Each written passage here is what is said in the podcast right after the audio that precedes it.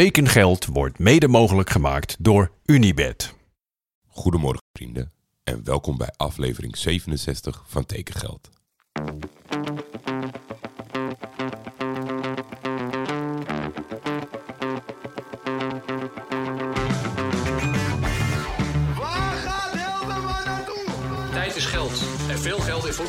Is bijna een garantie voor succes.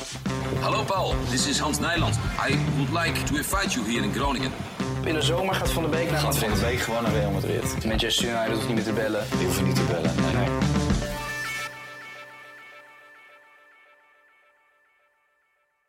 Deel 2 van de laatste tekengeld van dit seizoen. Met dank aan alle clubexperts. Dankzij Utrecht mogen we nog één keer luisteren naar vriend van de show, Jean-Paul Risson. Wie zijn Utrecht nog kwijtgeraakt op het laatste moment? Jean-Paul. Beste Jordi, beste luisteraars van Tekengeld. Eh, hier in Utrecht zien we twee spelers vertrekken eh, in de achterste linie. Eh, te weten Tommy Santiago en Sean Kleiber. Tommy Santiago, jongen uit de stad, jongen uit de eigen jeugd, die best wel een grote toekomst werd toegedicht. Alleen eh, het zit met zijn fysiek niet helemaal. Is al twee keer zwaar geblesseerd geraakt. En eh, ja, dat, dat, dat houdt een keer op natuurlijk. Eh, ik had het nog wel willen zien, maar blijkbaar laat Utrecht hem toch gaan. Wat me toch wel een beetje verbaast, omdat Utrecht ook niet heel ruim in de was zit achterin. Hij heeft Mike van der Hoorn voor zich, waar niet iedereen even tevreden over is, zullen we maar zeggen. Dus dat verbaast me wel dat Utrecht hem laat gaan. Maar het lijkt me wel heel mooi voor Tommy als hij eh, toch een niveautje lager eh, zijn carrière weer eh, op kan starten. Want in, in de keren dat hij meedeed bij Utrecht zag je echt wel dat er talent in die jongen zit. Waar zijn plafond ligt, vind ik moeilijk te zeggen. Maar hij zou voor Willem II zeker een hele goede verdediger moeten zijn. Mits hij fit blijft. En dan Sean Kleiber. Sean Kleiber natuurlijk. Eh, opgeleid bij Utrecht. eh, daarna naar Ajax vertrokken, waar hij ook nog in de opleiding heeft gezeten. Dat was geen succes. Toen kwam hij terug. En dat was eigenlijk ook geen succes. Sean heeft eigenlijk in zijn tweede periode geen moment indruk kunnen maken. ehm, zoals we dat daarvoor wel van hem gewend waren. En nu is dan daar Brøndby IF als, als uitkomst. Ik denk voor hem wel een mooie transfer. Want Brøndby is wel een hele grote club in Denemarken. Hebben veel fans door het hele land. En die derby tegen FC Kopenhagen, ik heb er zelf wel eens bij mogen zijn, is werkelijk fantastisch. Eh, twee spelers waar ik dus als Utrechter niet overdreven rouwig om ben. Santiago, omdat hij ja, eigenlijk nooit fit was. En Kleiber, omdat hij denk ik eh, na zijn terugkeer nooit echt bracht eh, wat had gemoeten. En Utrecht heeft gelukkig ook Hidde nog op die plek. Dus we gaan het op deze manier doen, het nieuwe seizoen. Ik wil jou graag bedanken voor al je bijdrages elke dag. En ik denk dat ik namens een hele hoop luidspraak- luisteraars spreek. Ik spreek je snel. Misschien wel de drukste laatste dag ooit in Eindhoven. Marion vertelt ons er alles over. Hey Jordi, het is een eer om op de valreep van deze transferperiode nog een bijdrage voor eh, jouw luisteraars eh, te mogen verzorgen. En je vroeg of ik wat duiding kon geven aan de spelers die gisteren Eindhoven hebben verlaten. En elke transferwindows kunnen supporters, eh, tenminste dat herken ik bij mezelf wel, een lijstje maken met spelers die ze liever vandaag dan morgen zien vertrekken. En tegelijkertijd, dat is de andere kant, zijn er ook spelers die het liefst nog een heel tijdje in je stadion wilt zien. En deze tegenstelling past wat mij betreft precies bij de twee spelers die gisteren definitief vertrokken. Want gisteravond op de valreep werd eh, namelijk nog het contract van André El Ghazi ontbonden. En een succesvol huwelijk is dat eigenlijk nooit geweest. Voor mij belichaamt hij misschien nog wel het meeste het wispelturig technisch beleid van PSV in de afgelopen seizoenen. Vorig seizoen nog opgehaald voor 2,5 miljoen. Met een voor PSV-begrip een vrij hoog salaris, zeker voor een reservespeler. En ondanks dat zijn rendement nog ineens zo verkeerd was, hij scoorde 9 doelpunten, heeft hij nooit overtuigd. Ik denk dat als je zelfs gaat rekenen aan transfersom, tekengeld en salaris, we voor elk doelpunt een half miljoen hebben betaald. Zelfs na het vertrek van Madueke en Gakpo afgelopen winter, in een tijd waarin PSV eigenlijk gewoon bijna vleugelam was, veroverde hij geen basisplaats. Onder Ruud van Nistelrooy was het in ieder geval geen succes. Al kan je natuurlijk wel je vraagteken stellen of het spelen onder Van, van Nistelrooy nou het beste referentiepunt is. Toen Bos werd gepresenteerd kon je eigenlijk ook wel voorspellen dat hij zou vertrekken. Het is geen geheim dat die twee niet meer bij elkaar in de tuin staan te barbecuen sinds hun aanvaring bij Ajax. De reden was toen al dat El Ghazi niet aan de verwachtingen van Bos kon voldoen. Nu een aantal jaren heeft hij nog meer op die gevraagde ingrediënten ingeleverd. En een vertrek is dan, gezien de huidige bezetting, als je kijkt naar de aanvallers die we hebben, in combinatie met zijn salaris ook vrij logisch. Zelf ben ik niet zo rouwig om zijn vertrek. Mijn podcastmaatje Errol Otterhof, die verwoordde het in onze 1913-podcast eigenlijk uitstekend. El Kazi, zei hij, die loopt op het veld alsof hij in een strafkamp zit. Ondanks dat hij op het veld geen onuitwisbare indruk achterliet, deed hij buiten het veld wel van zich spreken. Ik weet niet of er luisteraars zijn die de beelden nog niet hebben gezien. En anders dan geef ik ze de tip om die opname nog een keer te gaan kijken. Waarin hij een ernstig zieke PSV-fan een onvergetelijke dag bezorgt. Intense beelden waren het. Van een vrolijk jongetje van zeven jaar oud. Die zijn onbezorgde leven plotseling ziet veranderen door een ernstige ziekte. En in die video's te zien dat de PSV-aanvaller Nigel thuis op, ophoudt. En samen met hem naar het ziekenhuis gaat. Voor mij plaatst dat op dat moment het hele voetbal weer in het juiste perspectief. En misschien moeten we juist die herinnering aan El Ghazi wel vasthouden en niet zozeer wat hij op het veld deed. En Melech vindt hij nog een mooi avontuur. Ik gok dat het een target wordt voor een Turkse club, waarbij ik zelfs Galatasaray niet uitsluit. En dat zou ik voor hun fanbase in ieder geval heel erg mooi vinden. Nou, een andere aanval die ook nog vertrok, dat was dan tijdelijk, was uh, Fode Fofana. Hij wordt verhuurd aan Vitesse. Wat mij dan nog niet helemaal duidelijk was, is uh, hoe die optie tot kopen elkaar zit die erin geknutseld is. Ik kreeg het idee dat het net zoals bij Sambo toen geregeld was. Dus dat PSV uh, eh, eigenlijk zelf achter het stuur zit en nee kan zeggen. Maar sinds Xavier Simons heb ik de koopclausule op mute staan en laat ik deze even links liggen. Voor Fane zelf, die blijft een interessante spits. Hij is sterk, hij heeft een individuele actie, hij is handig in de kleine ruimte. Maar alleen zijn fitheid is best wel een groot probleem. Hij heeft al op jonge leeftijd best wel veel zware blessures gekend. En ik hoop ook voor hem uh, dat hij fit blijft, dat hij zich op eredivisieniveau kan doorontwikkelen. En of dit nu in de toekomst bij PSV is of ergens anders, dat zien we dan wel. Nou, zoals ik al eerder zei, vertrekken er altijd spelers waarvan je hoopt dat ze misschien wel tegen beter weten in nog een seizoen blijven. En in mijn geval gaat dit over Ibrahim Sangaré. Wat een man.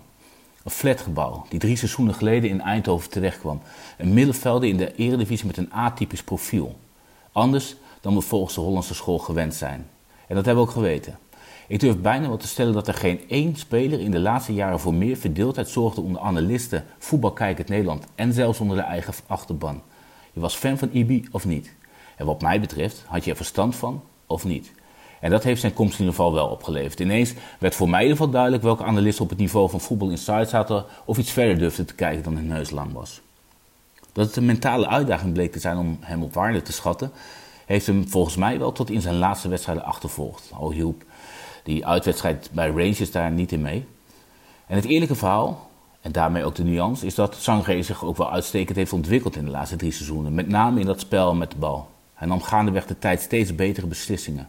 En ter verdediging daarvan was het spel van Sangre aan de bal ook niet in zijn eerste seizoen zo zwak als vaak beweerd werd. Toen al verloor hij al weinig de bal, speelde veel vooruit, Alleen maakte hij een aantal grote fouten die te lang op repeat bleven staan en te vaak aangehaald werden.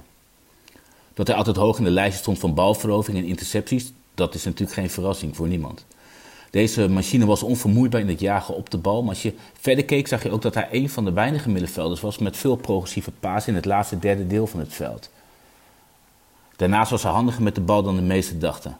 Door het eindeloze jagen op de bal kwam hij ook vaak in de situatie chaotisch zijn. En met zijn kenmerkende schijnbeweging wist hij zichzelf vaak de ruimte te verschaffen voor een voortzetting. En met name Veerman profiteerde vaak dankbaar van het werk. Ik ben in de drie seizoenen altijd idolaat geweest van hem. Met zijn optreden in de bekerfinale onder Roke Smit komt hij bij mij in de top 10 van beste individuele prestaties die ik in mijn PSV-tijd gezien heb bij een speler. En misschien ook, net als bij El Ghazi, het allermooiste aan deze voetballer is de vibe van geluk die om hem heen hangt. Dus heel iets anders dan het voetbal. Alsof het leven van profvoetballer hem toevallig overkomen is. Zo ziet, het, zo ziet hij eruit. Een bijna introverte reus die altijd leek te glimlachen. En hij gaat gemist worden. Meer dan we misschien zelf, of we nou objectief of subjectief zijn, op voorhand gedacht zouden hebben. Als voetballer, maar misschien juist ook wel als mens. De PSV Inside films hebben hun beste ster verloren en de Eredivisie zijn mooiste glimlach. Na jaren in Alkmaar is Pantelis Hatziriakos vertrokken richting een nieuw avontuur in Italië. Ik ben benieuwd of hij nu te boeken staat als een clubicoon of valt dat wel mee, Meike? Tja, wat te zeggen over Hatziriakos. Hij is natuurlijk al heel lang bij AZ geweest, 12 eh, of 13 jaar. Um, maar ik, ik weet niet zo heel goed hoe mensen zullen terugdenken aan hem. En dat heb ik zelf ook. Um, ik denk dat de laatste jaren werd hij wel wat beter, maar het blijft toch een beetje geschutter soms. Uh, deze week hebben we dat ook nog gezien. Dus ja, ik weet niet. Ik denk dat, ik denk dat ik hem een, hele goede um, transfer uh, wel gun. Um, het is wel een, AZ-man. En ja, die verdient een leuk avontuur uh, in Italië. Maar ja, ik weet niet of we hem nou echt heel erg gaan missen. ja, nou ja, toch bedankt zeggen we dan maar. Ik denk serieus dat we na aflevering 1 al contact hadden over een vertrekkende Bangura bij Cambuur. De hele zomer leek het niet te gaan gebeuren. Maar hier is nu eindelijk Wessel met zijn update over de vertrekkende Alex Bangura bij Cambuur. Hey Jordi en goedemorgen tekengeldluisteraars. Waar het bij Ajax vrij gemakkelijk is om een tekengeldwatcher uh, Michel te vervangen met een gelijknamige watcher, Michel, is dat bij een kleinere club als Cambuur niet zo 1, 2, 3 geregeld met een watcher die Wessel heet. Um, en het tekengeldnetwerk, ja, bewijst zich weer. Er staat een Wessel stand-by, dus die wil ik allereerst even bedanken. Maar voor de transfer van Alex Bangura voor een recordbedrag, ja, neem ik uh, toch zelf wel even de hoeners waar. Um, lang zag het er naar uit dat deze transfer niet door zou gaan. Uh, Cambuur wou een bedrag van boven de miljoen euro. En dat bedrag kwam er niet op tafel. Uh, waar veel mensen zeiden, ja, 5 ton, 6 ton, 7 ton. Dat zijn toch ook mooie bedragen. Nou, clubs als uh, bijvoorbeeld Saint-Etienne en uh, voorheen ook al Middlesbrough. Maar die transfers kaatsten af. Afgelopen woensdag deed onze technisch uh, Etienne Rijnen dan ook de uitspraak van Alex Mangura gaat waarschijnlijk helemaal nergens meer naartoe. En Cambuur is eigenlijk wel klaar op de transfermarkt. Um, ik dacht dan ook, ja, dan zit er geen tekengeld in voor mij dit jaar. En ook niet uh, voor de medewissel. Um, maar op uh, de slotdag op Deadline Day trad Hans Klok op in Leeuwarden. Een van Nederlands beste goochelaars. Maar de beste truc van Deadline Day in Leeuwarden kwam niet van Hans Klok, maar van Etienne Rijnen die uh, Alex Bangura toch nog verkocht aan Middlesbrough voor een recordbedrag van 1 miljoen pond. Omgerekend in euro's is dat volgens mij rond de 1,2 miljoen. En dat is voor Cambuur een recordbedrag. Het is echt een fantastisch bedrag voor een eenjarig contract. In Engeland is dat natuurlijk niet een enorme, enorm bedrag. Maar voor Cambuur is dit echt fantastisch. Um, Alex Bangura, hij kwam hier uh, binnen als linksbuiten, die uh, ja, weggestuurd, geen contract kreeg bij Feyenoord.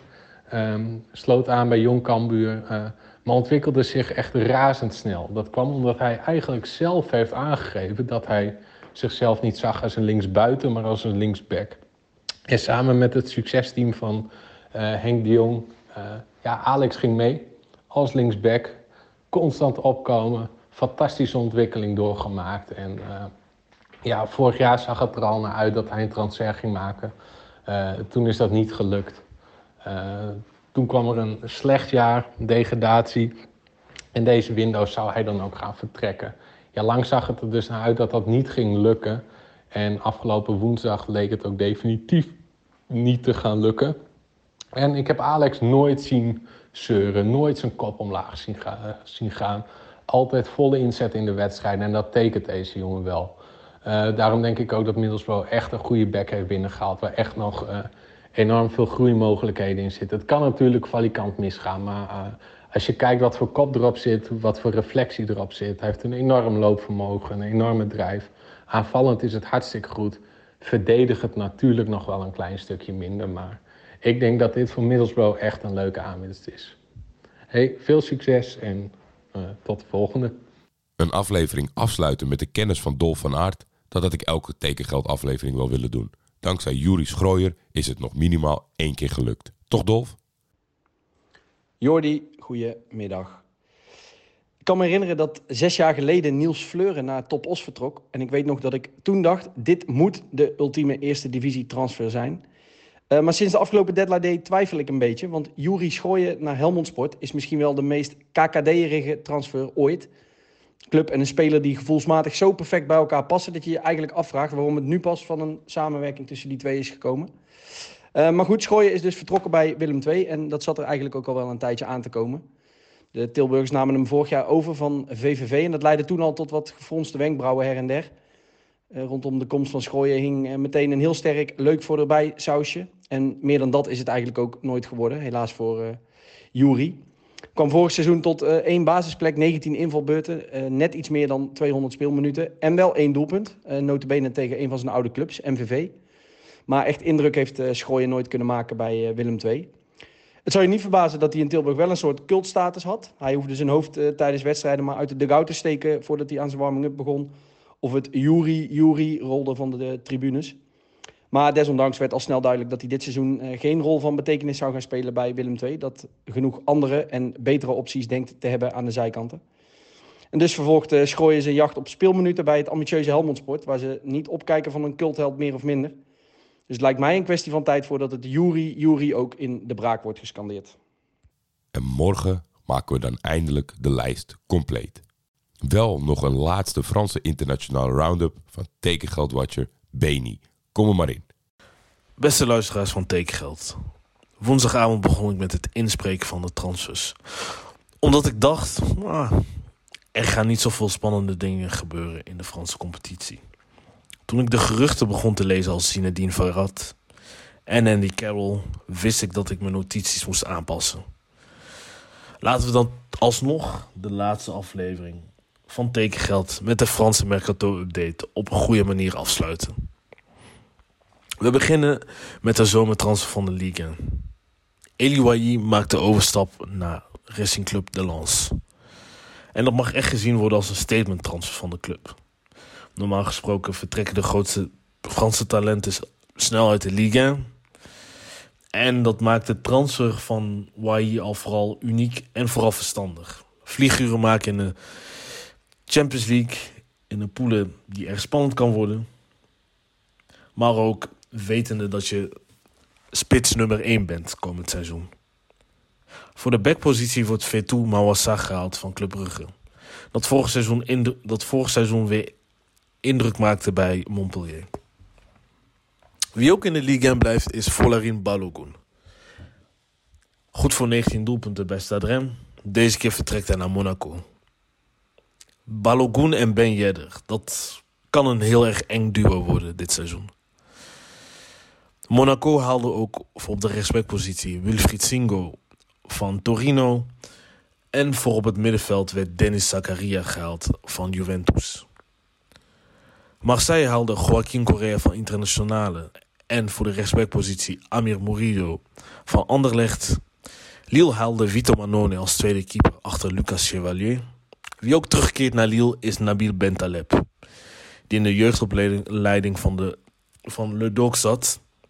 En toen als jonge gastje vertrok naar Tottenham.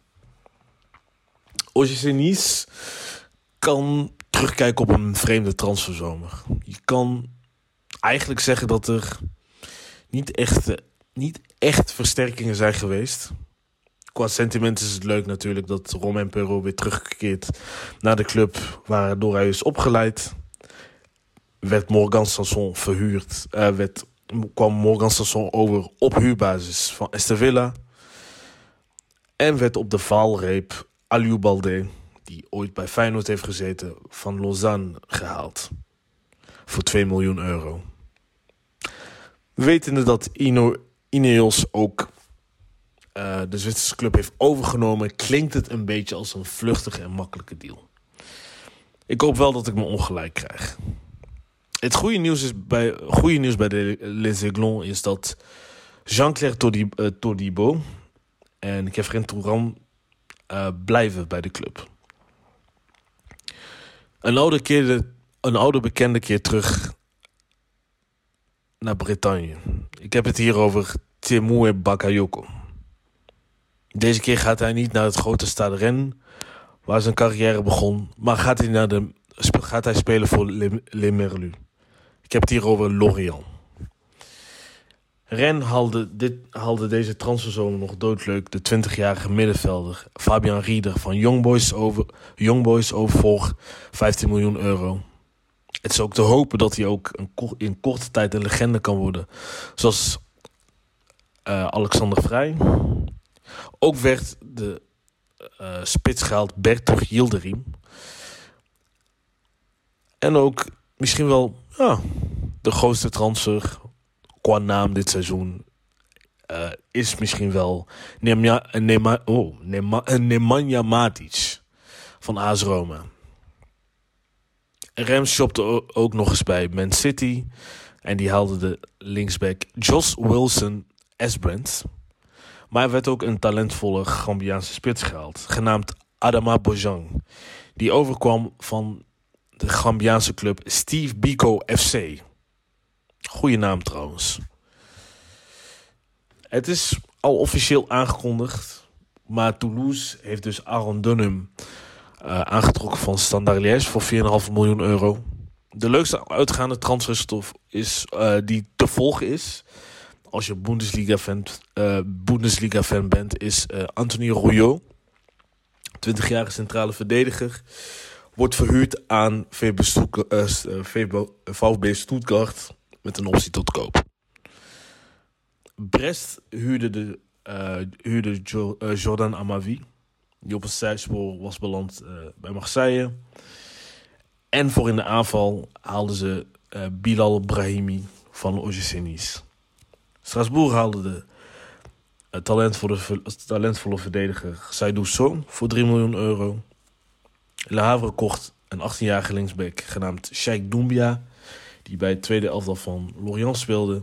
En de Amerikaanse flankspeler Emmanuel Sabi van Odense. We gaan nu wat naar wat grotere transfers.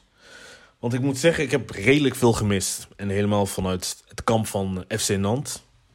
Die de laatste weken of dagen interessante spelers heeft gehaald. Matthias Sablin wordt verhuurd van Stade Rennes. Misschien om de pijn te verzachten van de transfer van Ludovic Bla. Ronael Pierre Gabriel eh, komt de rechtsbackpositie versterken. Adson, een rechtsbuiten, die komt over van Corinthians. Eray Chomert zal de verdediging moeten stabilis- stabiliseren na het vertrek van André Girotto. En als laatste komt Jean-Kevin Duverne transvrij over van Stade eh, Stade Brestois. Op papier klinkt dit veelbelovend dan een maand geleden. Waar ik Nantes eigenlijk indirect ten dode had opgeschreven. Maar de transfers en de 3-3 tegen Monaco bieden hoop. We gaan nu naar FC Metz. Die haalde de rechtsback Kevin van der Kerkhof. Een Algerijns-Franse rechtsback die vorig seizoen bij Bastia speelde. En Joël Soro. Je weet wel, van FC Groningen moet Georges Mikautatse doen vergeten in de aanval. Ik vrees dat ik het stokje moet doorgeven aan Metz als degradatiekandidaat nummer 1. Nu, nu eh, Monsieur Georges naar Amsterdam is vertrokken. Voor de verdediging werd Christophe Herrel binnengehaald van, eh eh, van Straat, eh, Brest. We hebben ook nog PSG, die Bradley Barcola kocht. Een gevoelige eh, transfer voor veel eh, Lyon-fans. Vooral omdat, het, omdat de speler de hele zomer verkondigde dat hij bij de club zou blijven. Ik wil eigenlijk ehm, de Ligue 1 afsluiten met mijn favoriete club, Olympique Lyon. En ook een manier van transfers maken hoe het eigenlijk niet moet. En wat ik vooral hoop dat dat niet de toekomst gaat worden. Het is een turbulente transferperiode geweest. Je hebt geen transfers kunnen maken vanwege DNG. Ook omdat Jean-Michel Hollard bij zijn afscheid doodleuk de, transfer, de rekeningen heeft afgesloten bij de club toen John Textor de club overnam. Dit gaat nog een staartje hebben, maar dat, komt, is, dat is niet echt relevant. Wat wel belangrijk is, hoe makkelijk je kleine clubs kan inzetten, zoals RWDM, die als een soort kanonnenvoer ontvoerd worden door een multiclub ownership. Zo haalde de club Jake O'Brien van Crystal Palace, die vorig jaar bij RWDM speelde. En heeft diezelfde club een Belgisch clubrecord achter zijn naam, waar ze eigenlijk niets aan hebben. Ze hebben Ernst Noema gehaald van Nurtjeland voor 30 miljoen euro. En heel eerlijk, de manier hoe de structuur achter de transfer is gewoon heel luguber. Puur om de Franse autoriteiten te ontzien. En het is vooral heel sneu om te zien hoe een club van grandeur onderdeel is van dit soort gare praktijken. We gaan naar de Ligue 2. Ik vertelde ooit het verhaal van Jordan Tel.